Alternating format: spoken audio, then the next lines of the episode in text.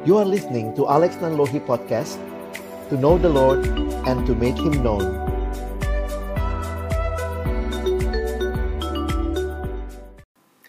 Mari teman-teman, sebelum kita membaca merenungkan firman Tuhan, kita berdoa. Bapa di dalam surga, kami datang dalam ucapan syukur pada hari ini, sore ini. Sekali lagi kami bersyukur kesempatan beribadah Tuhan berikan kepada kami merayakan Natal kelahiranmu. Kami rindu ya Tuhan ketika sama-sama kami akan membuka firman-Mu, bukalah juga hati kami, jadikanlah hati kami seperti tanah yang baik, supaya ketika benih firman Tuhan ditaburkan, itu boleh sungguh-sungguh berakar, bertumbuh, dan juga berbuah nyata di dalam hidup kami.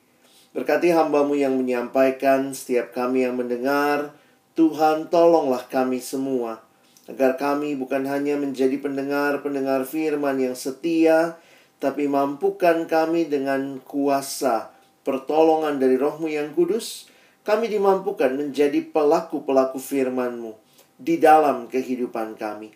Bersabdalah ya Tuhan, kami anak-anakmu sedia mendengarnya.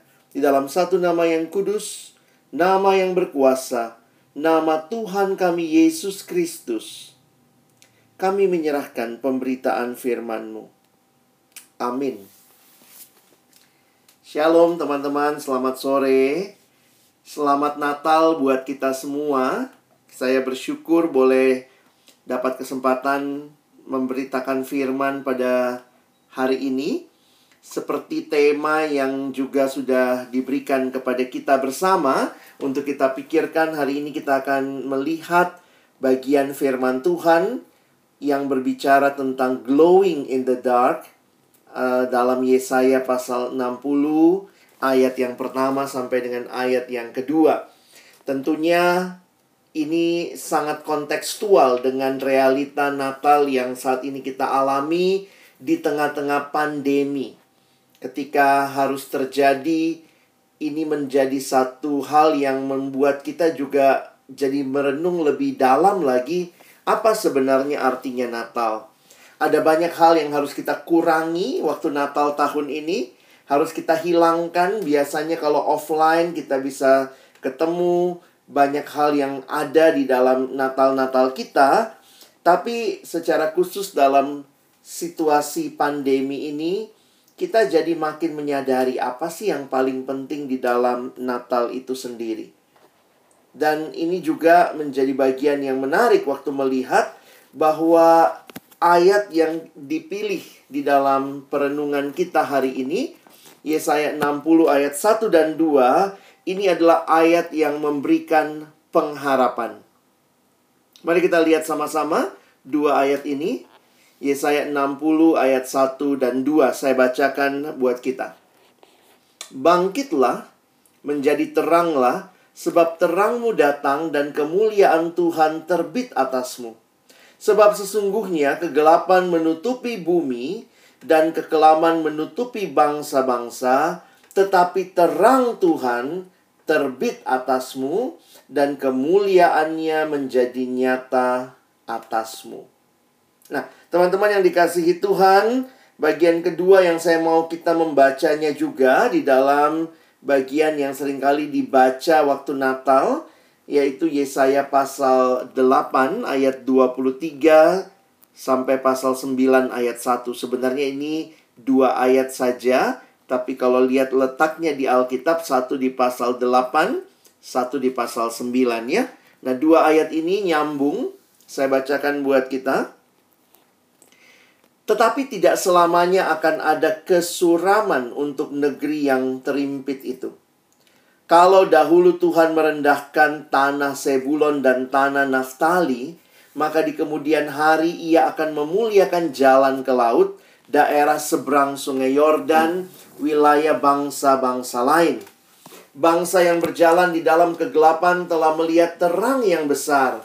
Mereka yang diam di negeri kekelaman, atasnya terang telah bersinar. Ayat-ayat yang ada dalam kitab Yesaya ini menjadi pengharapan di tengah-tengah sebuah realita yang dialami pada masa itu oleh orang Israel dan saya ingin nanti juga merefleksikan bagaimana kita di masa ini juga mengalami pergumulan yang tidak mudah dan bagaimana firman Tuhan sekali lagi menjawab pergumulan yang kita alami. Nah, teman-teman yang dikasihi Tuhan, entah sudah berapa ibadah Natal yang teman-teman ikuti, tapi sore hari ini kembali setelah tanggal 25 paling tidak kita merayakan Natal juga, kita kembali merayakannya pada sore hari ini. Ini mengingatkan kita akan apa yang sebenarnya terjadi di dalam Natal. Seringkali Natal ketika offline dengan segala kemeriahannya membuat kita juga jadi bertanya, apa sih yang paling kita ingat pada waktu Natal?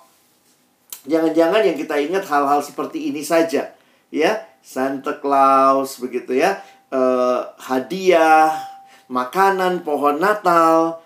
Sementara Natal sendiri artinya adalah lahir dari bahasa Latin dan waktu kita memperhatikan siapa yang lahir pada waktu Natal ini penting Natal bukan hari lahirnya Santa Claus, bukan hari lahirnya Frosty the Snowman, tetapi Natal adalah hari lahirnya Yesus.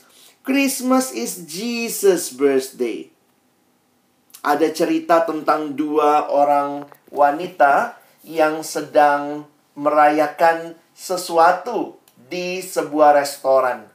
Ada temannya yang waktu datang melihat dua wanita ini sedang bersuka cita merayakan sesuatu karena ada kue kecil di atas meja, lalu ada satu lilin yang menyala di situ. Lalu temannya kemudian datang dan menyapa, "Wah, senang sekali kalian berdua. Apa yang sedang dirayakan?" Lalu kemudian mereka bilang, "Wah, kami lagi merayakan ulang tahun." "Wow, ulang tahun." Lalu kemudian temannya bilang, "Siapa nih yang harus aku salamin? Yang di sebelah kanan kah atau yang di sebelah kiri?" Lalu yang kanan ngomong, oh ini bukan ulang tahun saya. Oh begitu. Lalu kalau begitu ini pasti ulang tahun yang teman yang di sebelah kiri ya. Oh berarti ini ulang tahun kamu ya. Terus dia bilang, enggak ini juga bukan ulang tahun saya. Lalu ini ulang tahun siapa? Lalu kemudian seorang teman yang di kanan itu bilang, oh hari ini anak saya, bayi saya genap berusia satu tahun. Kami berkumpul merayakannya. Lalu temannya nanya, mana bayinya? Lalu kemudian orang itu bilang, wah bayinya saya tinggal di rumah. Merepotkan kalau harus bawa bayi. Jadi hari ini kami hanya merayakan kelahirannya. Sedih sekali kalau Natal juga menjadi Natal yang seperti ini. Kita rame-rame, kita merayakan kelahiran Yesus, tetapi tidak ada Yesus di dalam Natal kita. Natal adalah hari ulang tahunnya Yesus. Kira-kira begitu ya penghayatan kita. Karena itu waktu kita bertanya, what is the most important part about Christmas? Bagian apa yang paling penting daripada sebuah Natal? The most important part of Christmas is the first six letters. C H R I S T. Yang paling penting di dalam Natal adalah Yesusnya, Kristus, Christ. Bayangkan Christmas without Christ tinggal tinggal mas. Emangnya ini perayaan mas-mas? Bukannya kita sedang bicara merayakan Kristus yang lahir. Karena itu penting untuk kita mencoba terus mengingat siapa Yesus dan apa yang dia bawa. Kenapa ketika dia lahir, malaikat di dalam Lukas pasal yang kedua, waktu berhadapan dengan gembala-gembala berkata, Jangan takut, sebab sesungguhnya aku memberitakan kepadamu kesukaan besar untuk seluruh bangsa. Berita apa teman-teman yang ketika disampaikan itu jadi berita kesukaan besar untuk seluruh bangsa? Nah mungkin untuk menghayati apa berita besarnya, berita sukacita besar itu, teman-teman dan saya harus lebih dahulu memikirkan apa sih yang menjadi berita duka cita terbesar. Wah, ini menarik ya. Kalau kita perhatikan sering kali memahami berita sukacita, kita perlu juga paham ada berita duka cita apa. supaya ketika berita sukacita itu disampaikan, benar-benar sukacita. Saya kasih contoh begini ya. Kalau teman-teman tidak pernah sadar kamu sakit begitu ya, maka ada seribu dokter di hadapanmu, kamu tidak akan merasakan itu kebutuhanmu. Jadi seribu dokter di depanmu itu bukan berita sukacita. Toh kamu lagi nggak sakit kok. Itu penghayatan kalau kamu merasa nggak sakit. Tapi kalau kamu sadar kamu sakit, kamu mengakui kamu sakit, dan ada satu dokter, maka kita mungkin akan sangat bersuka cita dengan satu dokter itu yang apalagi kalau dia adalah orang yang tepat untuk memberikan kesembuhan bagi kita. Saya ingin mengajak kita melihat mengapa Yesus disebut berita sukacita besar untuk seluruh bangsa. Mengapa kelahirannya menjadi berita sukacita besar untuk seluruh bangsa? Emangnya apa berita duka cita terbesar yang dialami oleh seluruh bangsa sampai kehadiran Yesus benar-benar jadi berita sukacita? Saya ingin membagi dua hal pada sore hari ini saja untuk kita pikirkan. Yang pertama, mari kita melihat lebih dulu bagaimana kondisi dunia. Dan apa yang kita baca di dalam ayat-ayat tadi, ini kondisi yang boleh kita katakan inilah berita duka citanya. Karena dunia di mana teman-teman dan saya hidup adalah dunia yang sudah jatuh ke dalam dosa dan digambarkan dunia yang ada di dalam kegelapan. Perhatikan Yesaya 60 juga mengingatkan kita. Tadi yang kita baca di ayat yang kedua, jadi sebelum ayat 1, ayat 1 itu kan sebenarnya berita sukacitanya ya. Bangkitlah, menjadi teranglah, sebab terangmu datang. Emang kenapa terang itu begitu luar biasa dinantikan ayat 2? Sebab sesungguhnya kegelapan menutupi bumi dan kekelaman menutupi bangsa-bangsa. Teman-teman, berita duka cita terbesar adalah dosa. Dosa yang begitu kelam, begitu mengerikan, begitu menyedihkan. Dan bayangkan, gambaran inilah yang Alkitab berikan. Dosa digambarkan dengan kegelapan, hidup di dalam kegelapan. Kalau terang itu melambangkan hidup, maka dosa melambangkan kematian. Kegelapan melambangkan kematian. Dan uh, kalau kita pikir-pikir ya teman-teman ya, sebenarnya dosa inilah the real pandemic. Dosa ini adalah sesungguhnya pandemi yang sesungguhnya. Kenapa? Memang benar COVID-19 corona ini kita bisa katakan sebagai pandemi karena terjadi di berbagai tempat di dunia sampai akhirnya dikatakan ini melanda seluruh dunia. Tapi jangan lupa, tidak semua orang terkena COVID-19. Benar ya? Memang melanda di berbagai tempat di dunia, tapi kan nggak semuanya kena.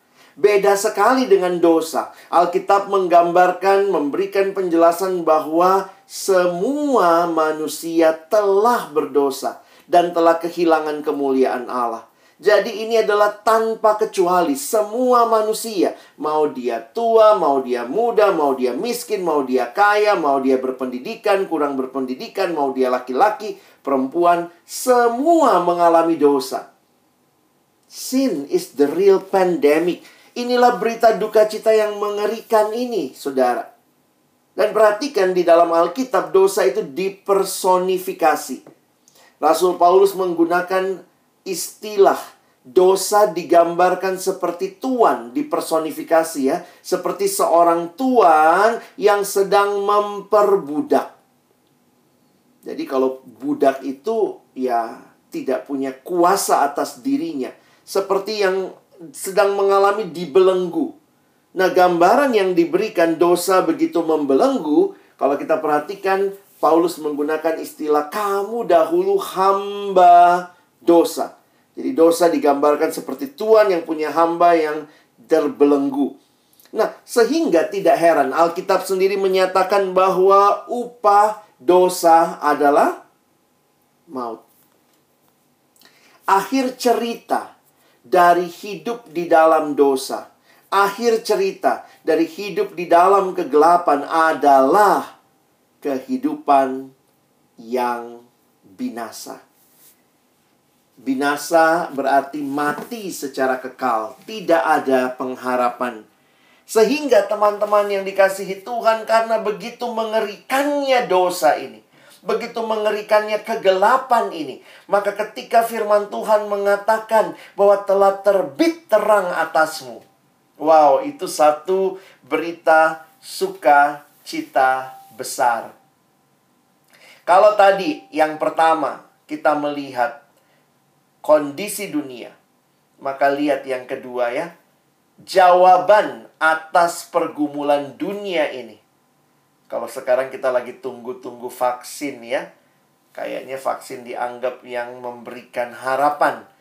Jadi kalau dosa adalah pandemi yang sesungguhnya, vaksinnya siapa? Bukan apa ya, siapa? Ya Yesus begitu ya. Nah, dalam konteks perenungan kita sore hari ini, kalau kondisi dunia dalam kegelapan, maka kita melihat bagaimana Alkitab menyampaikan Yesus adalah terang dunia.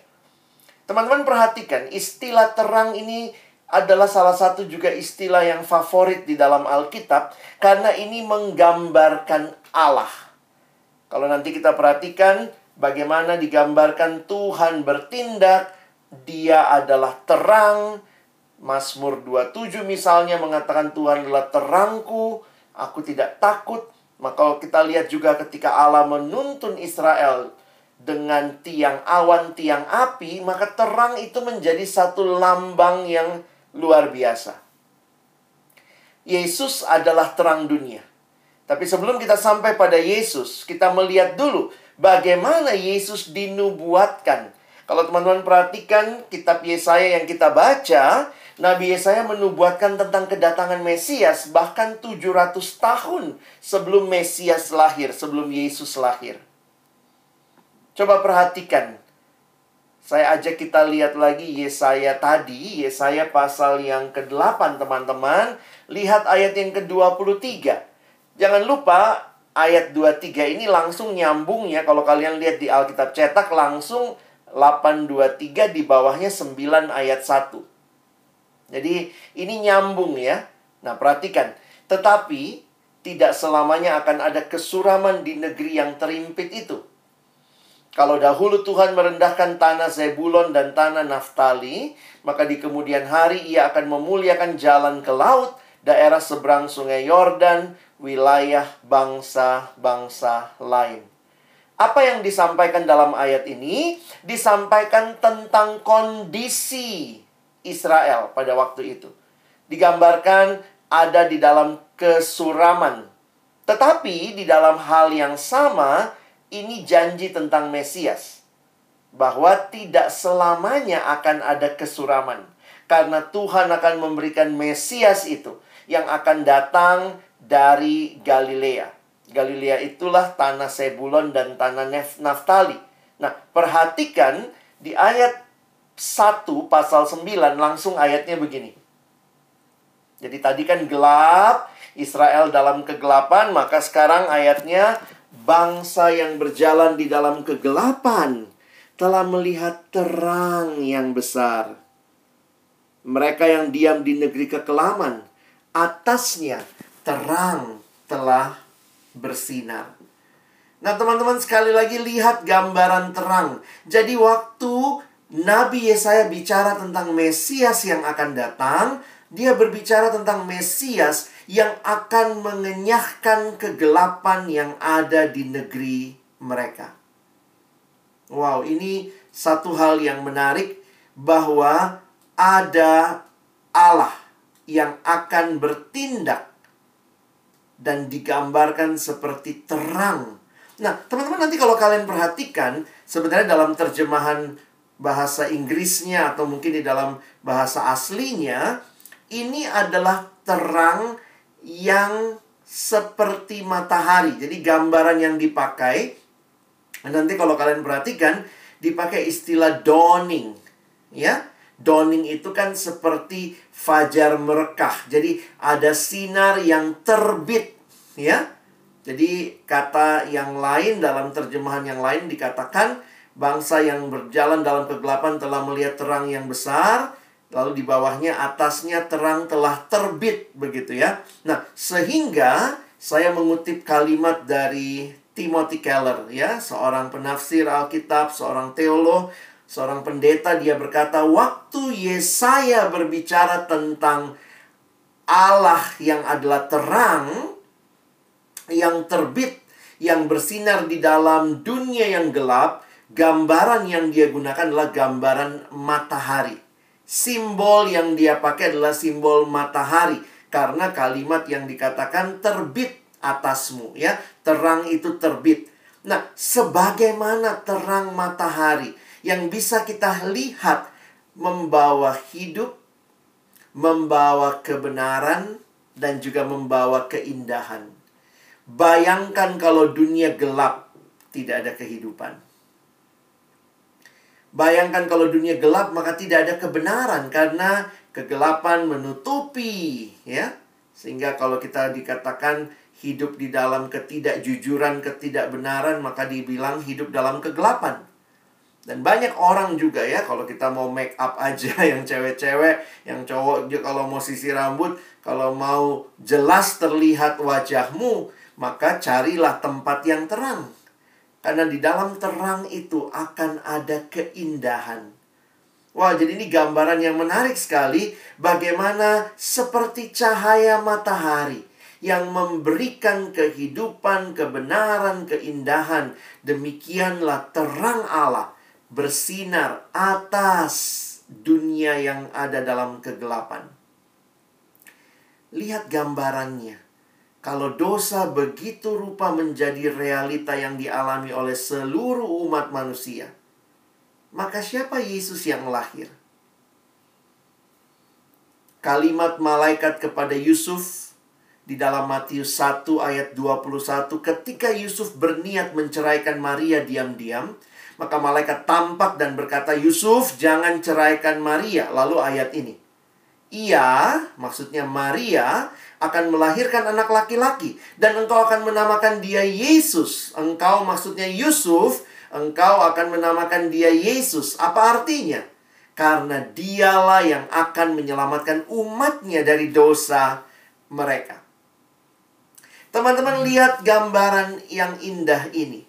Bahwa kelahiran Yesus, datangnya dia ke dalam dunia untuk menyelesaikan pergumulan dosa kita. Ingat, semua manusia berdosa. Maka, Yesus datang. Dialah yang akan menyelamatkan umatnya dari dosa mereka.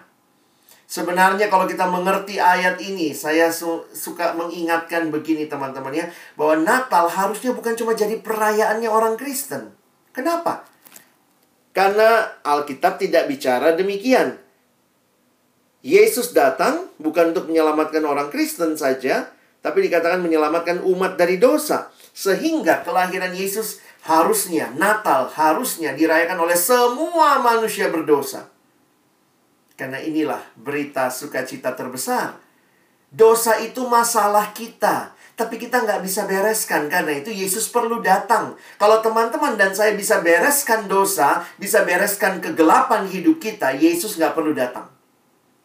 Tapi karena engkau dan saya tidak sanggup, maka kita butuh juru selamat. Dosa masalah kita. Sin is our problem. But the solution is not from us. Bukan dari kita solusi dosa. Jesus Christ, the God solution. Yesuslah solusi itu. Kalau kematian, binasa jadi bagian kita dalam kegelapan, maka kehidupan kekal itu hanya kita alami di dalam Kristus. Kenapa Yesus harus datang? Yesus tidak datang ke dunia untuk studi tour, studi banding gitu ya. Aduh, males di surga, begini-begini aja, jalan-jalan ah ke bumi. Tidak.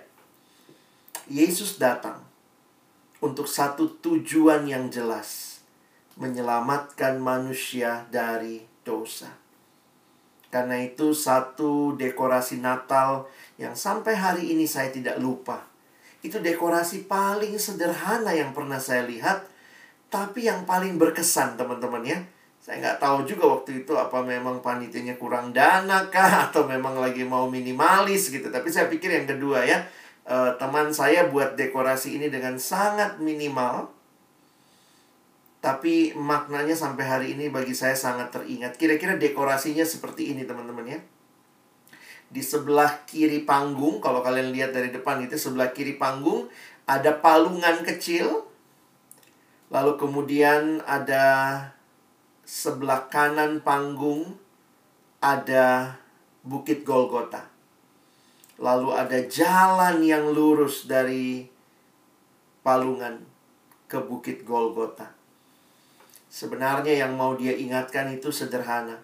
Bahwa bayi yang datang, Yesus yang datang ini, dia tidak tinggal hanya sebagai bayi yang kecil, tapi dia bertumbuh, dia dewasa, dia melayani, dia menderita, dia mati di kayu salib menggantikan kita dan dia bangkit memberikan kemenangan, dia naik ke surga dan dia janji akan datang kedua kali.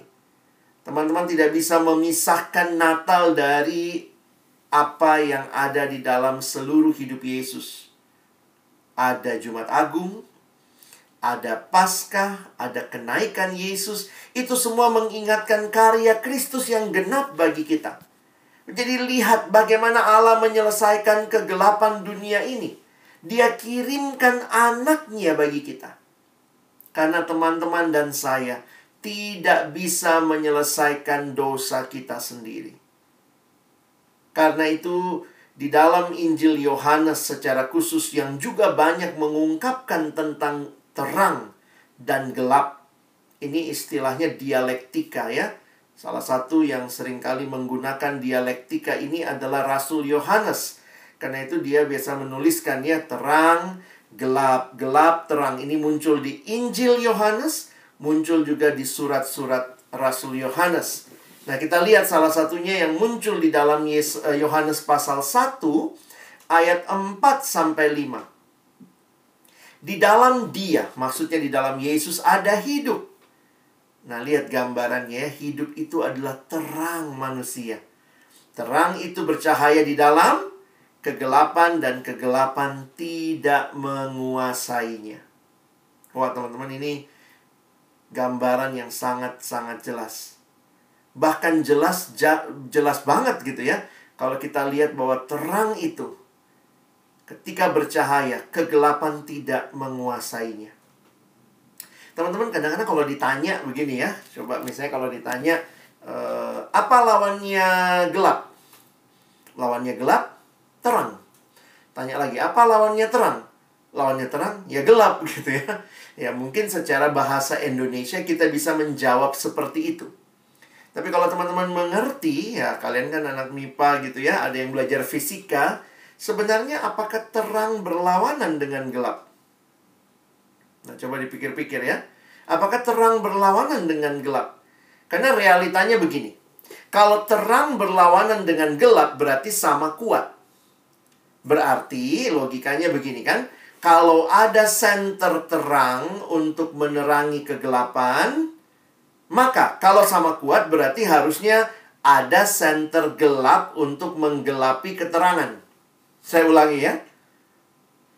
Kalau terang sama gelap berlawanan sama kuat berarti harusnya ada center terang yang menerangi kegelapan, maka harusnya logikanya ada juga dong center gelap untuk menggelapi keterangan. Tapi kan bukan begitu. Penghayatan kita adalah terang lebih kuat dari gelap. Karena ketika terang ada, gelap itu pergi. Makanya kalimatnya menarik. Kegelapan tidak menguasainya. Ketika terang itu hadir, kegelapan tidak menguasainya. Jadi teman-teman jangan berpikir terang sama gelap itu sama kuat. Enggak. Jelas banget kalau kalian belajar fisika, belajar MIPA, ngerti lah ya. Terang sama gelap tidak sama kuat. Mana yang lebih kuat? Terang. Karena begitu terang ada, kegelapan pergi. Jadi apa itu ter apa itu gelap? Gelap artinya ketiadaan terang. Tapi kalau terang itu datang, maka terang itu akan mengenyahkan kegelapan. Dan Yesus berkata ya, Akulah terang dunia. Aku telah datang ke dalam dunia, kata Yesus sebagai terang, supaya setiap orang yang percaya kepadaku jangan tinggal di dalam kegelapan. Jesus, light of the world. Makanya setiap kali perayaan Natal biasanya kita identik dengan lampu, cahaya, lilin. Sekarang pakai apa? Flashlight HP begitu ya. Kemarin ada Natalan juga minta nyalain flashlight dari HP. Karena ini mau menunjukkan realita yang terjadi. Yaitu pertama tadi, kita belajar bagaimana kondisi dunia. Dunia dalam kegelapan. Tapi ada jawaban atas pergumulan dunia yang kedua. Yesus terang dunia. Yesus bukan dari dunia.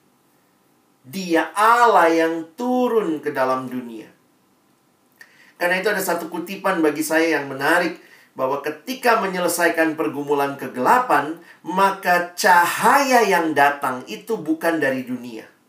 Ya. Kalau kita perhatikan, the light atau cahaya yang hadir itu is not from internal or external. Maksudnya dari dunia, bisa jadi kan dari dalam diri atau dari luar diri. The light is not from internal nor not from external. Sama seperti matahari. Matahari itu kan bukan dari dalam dunia dia terbitnya. Ya, enggak, dari luar planet bumi kira-kira begitu.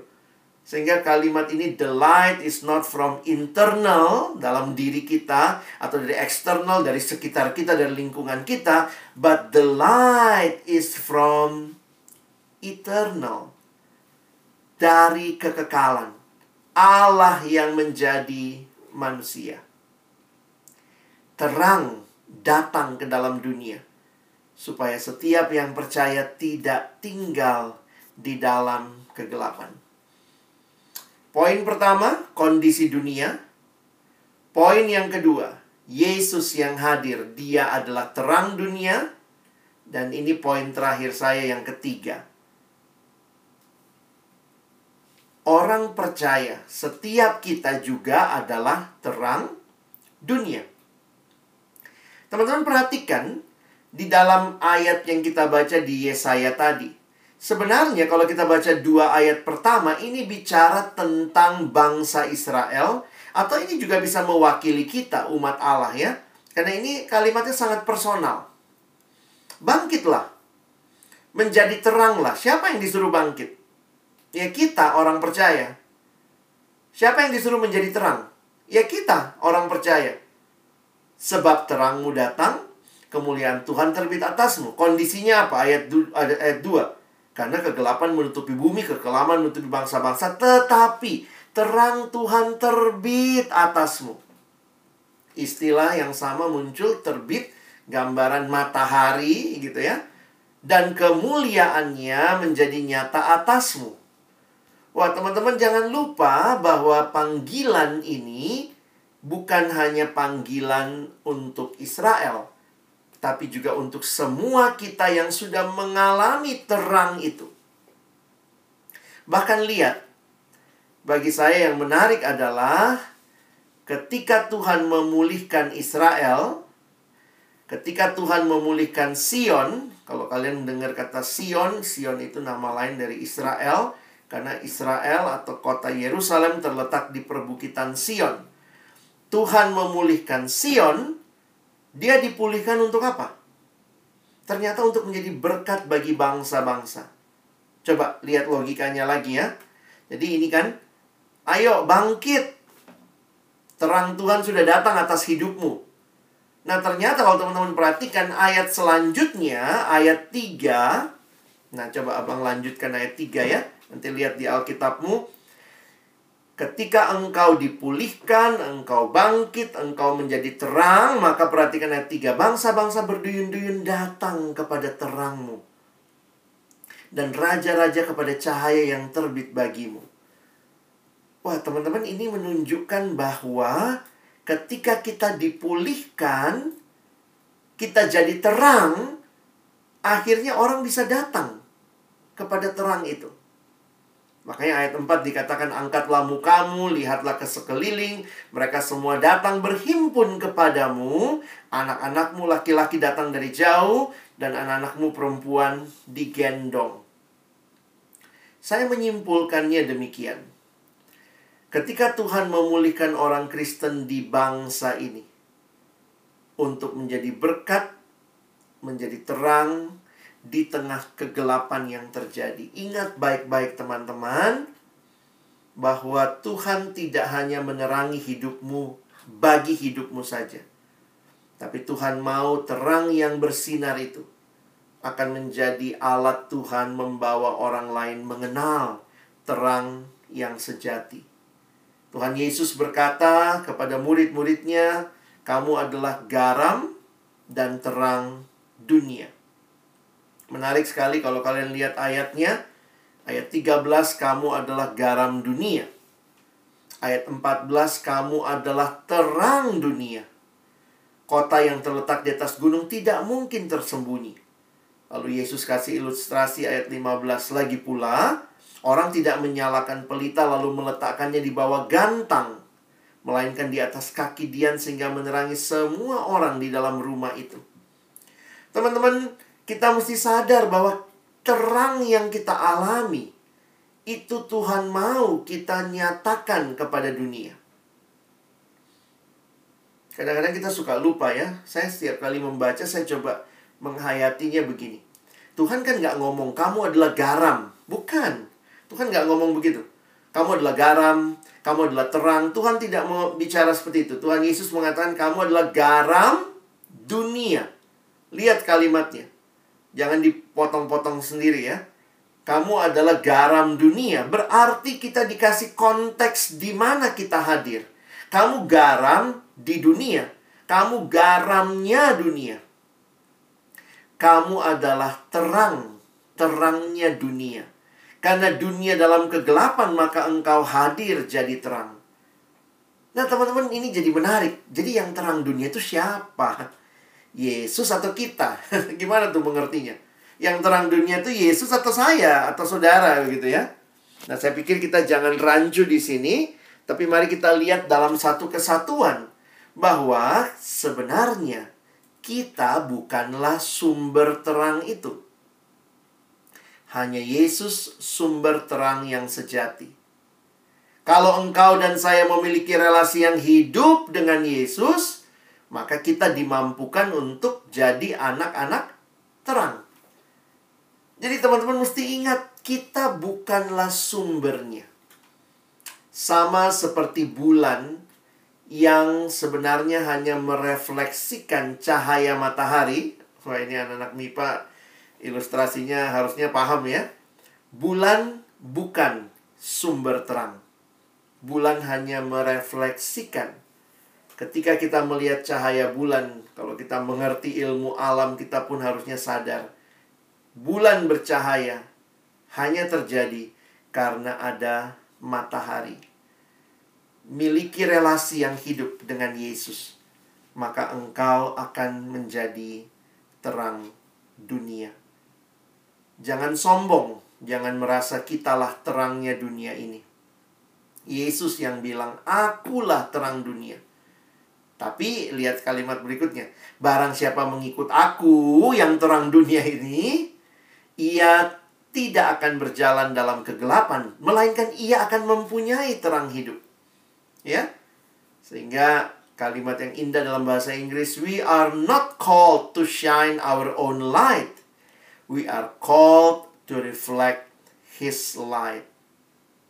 Kita dipanggil untuk memancarkan Bangkitlah jadi terang karena jangan lupa ingat lagi kalimat Yesaya 60 karena terang itu telah terbit atasmu makanya kamu bisa bangkit dan jadi terang.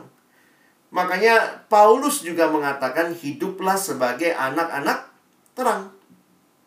Lihat bagaimana Paulus memberi gambaran ya. Menarik sekali. Ini kalimat Paulus. Efesus 5 ayat 8. Memang dahulu kamu adalah kegelapan tetapi sekarang kamu adalah terang di dalam Tuhan. Sebab itu hiduplah sebagai anak-anak terang. Karena terang hanya berbuahkan kebaikan, keadilan, dan kebenaran, dan ujilah apa yang berkenan kepada Tuhan. Tapi lihat lanjutannya. Jangan kamu turut mengambil bagian dalam perbuatan-perbuatan kegelapan. Apa buahnya kegelapan? Yang tidak berbuahkan apa-apa. Nah, beda ya. Kalau tadi ini buahnya terang, kebaikan, keadilan, kebenaran. Jadi kalau ada yang masih bergumul dengan nyontek, copy paste tugas, itu pasti bukan perbuatan perbuatan terang ya. Karena di dalamnya kamu nyontek kan itu berarti kamu nggak adil dengan dirimu sendiri. Kamu nggak benar, tidak pegang kebenaran. Itu perbuatan kegelapan. Kalau ada yang masih dibelenggu oleh apa? Pornografi, itu bukan hal yang baik yang Tuhan mau buat dirimu. Jadi orang-orang yang hidup di dalam dosa terikat dalam kegelapan dikatakan tidak berbuahkan apa-apa. Tetapi sebaliknya telanjangilah perbuatan-perbuatan itu. Sebab menyebutkan saja pun apa yang dibuat oleh mereka di tempat-tempat yang tersembunyi telah memalukan. Jangankan melakukan, menyebutkan saja, jangan. Tetapi segala sesuatu, nah lihat lagi nih fungsi terang ya. Segala sesuatu yang sudah ditelanjangi oleh terang itu menjadi nampak. Sebab semua yang nampak adalah terang. Jadi teman-teman dan saya dipanggil untuk hidup berbeda dengan dunia. Dare to be different. Kita dipanggil bukan keluar dari dunia. Sembunyi di bawah gantang, tidak tapi kita dipanggil untuk menjadi berkat. Teman-teman, dulu ada lagu ya. E, tetaplah menjadi bintang di langit gitu ya. Waktu saya renungkan lagu itu jadi ingat ayat Alkitab ya. Yang ada yang bilang, oh dia ambil dari ayat ini kali bang ya. Saya bilang, ya kalaupun dia ambil dari ayat ini salah kutip dia ya. Kita nggak jadi bintang di langit. Lihat kalimat Paulus di Filipi 2. Supaya kamu tiada beraib dan tiada bernoda sebagai anak-anak Allah yang tidak bercela di tengah-tengah angkatan yang bengkok hatinya dan yang sesat ini. Ini angkatan bengkok, sesat, lalu kita mesti bagaimana?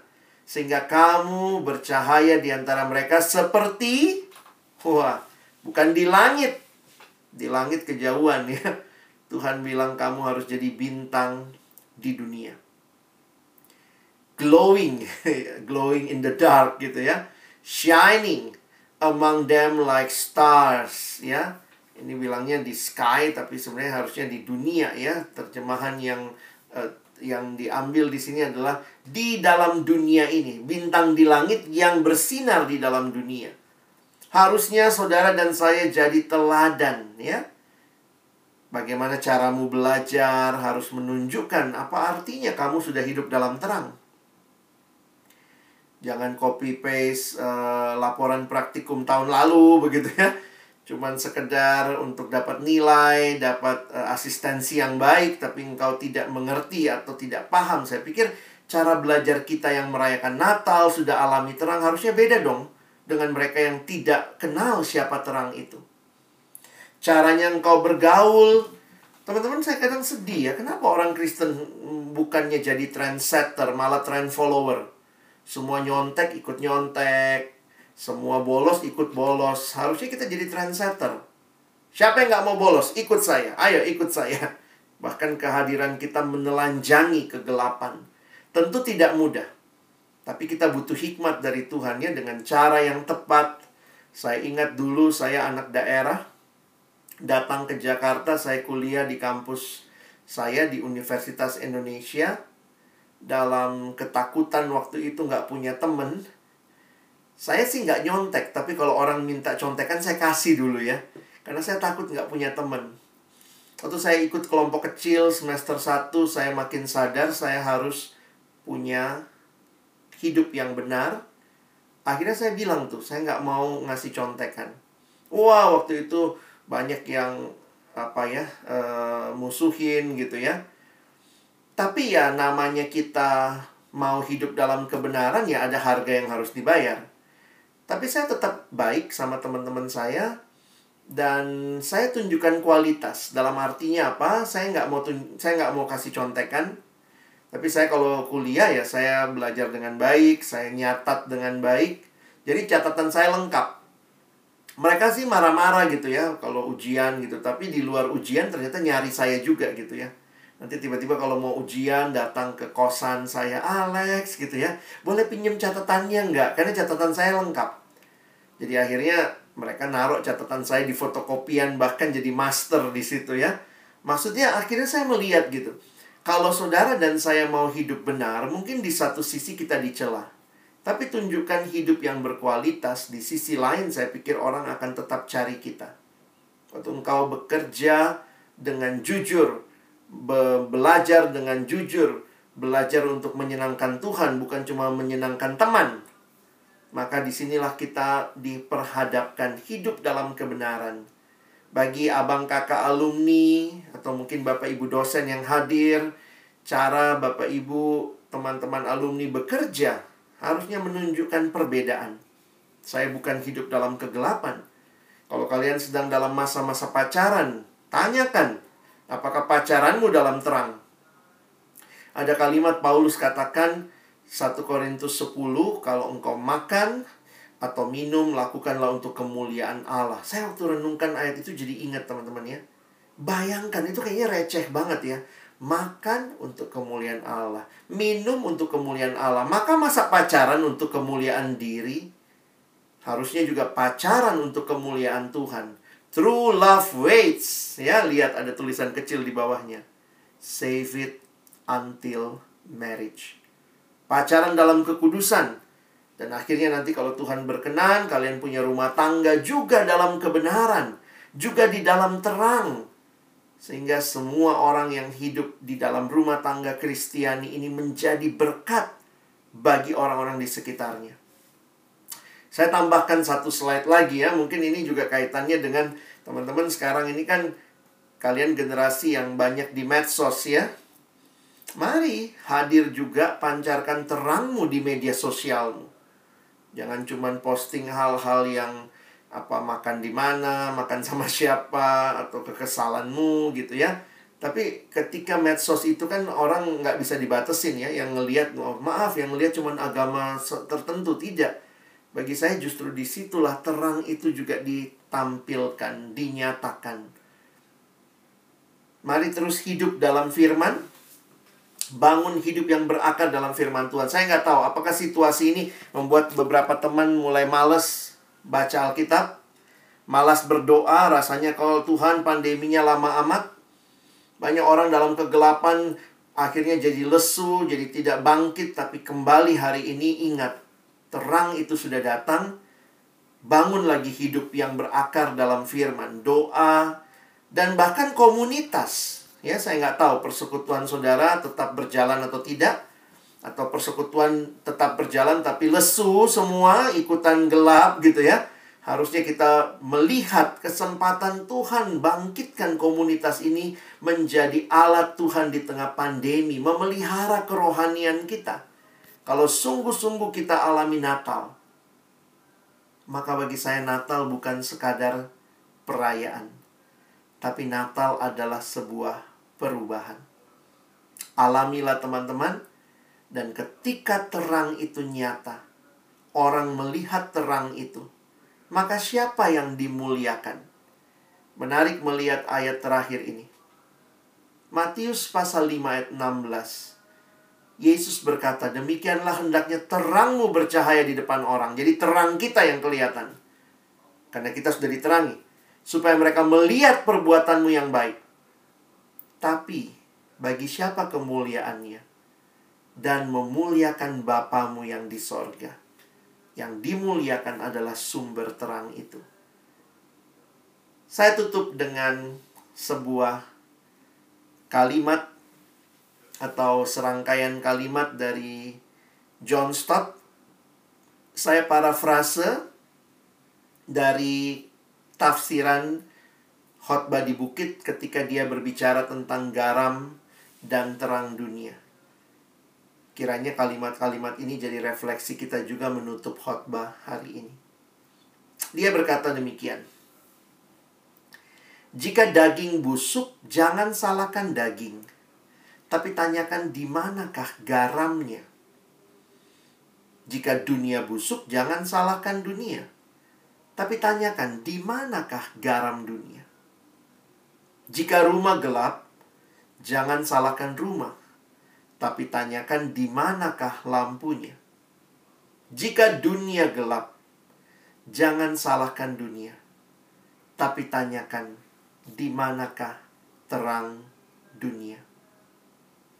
Apakah setiap kita yang merayakan Natal hari ini akan berfungsi jadi terang di dalam dunia?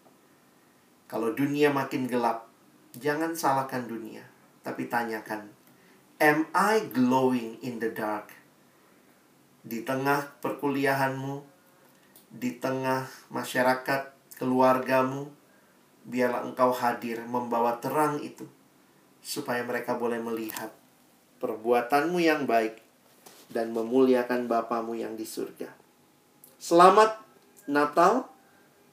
Alamilah terang itu dan bercahayalah di tengah dunia ini dan selamat menyambut tahun yang baru 2021 dengan tetap berpegang bersandar kepada Tuhan sumber terang itu.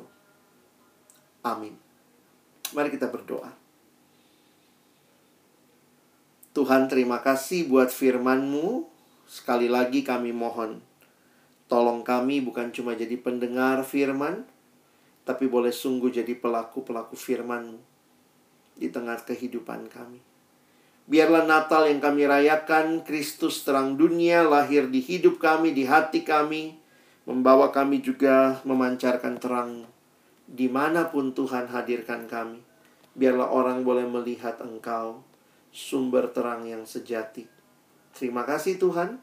Kami sekali lagi bersyukur untuk persekutuan yang Tuhan berikan di kampus kami. Menjadi alat Tuhan juga untuk memancarkan terangmu. Dan karena itu kami mohon, bangkitkan kami, semangati kami. Bukan untuk terpuruk di dalam kekelaman, tapi untuk bangkit menjadi terang dan bahkan bersinar bagi orang-orang di sekitar kami. Terima kasih. Tolong kami sekali lagi bukan cuma jadi pendengar, tapi jadi pelaku firman-Mu. Dalam nama Yesus kami berdoa.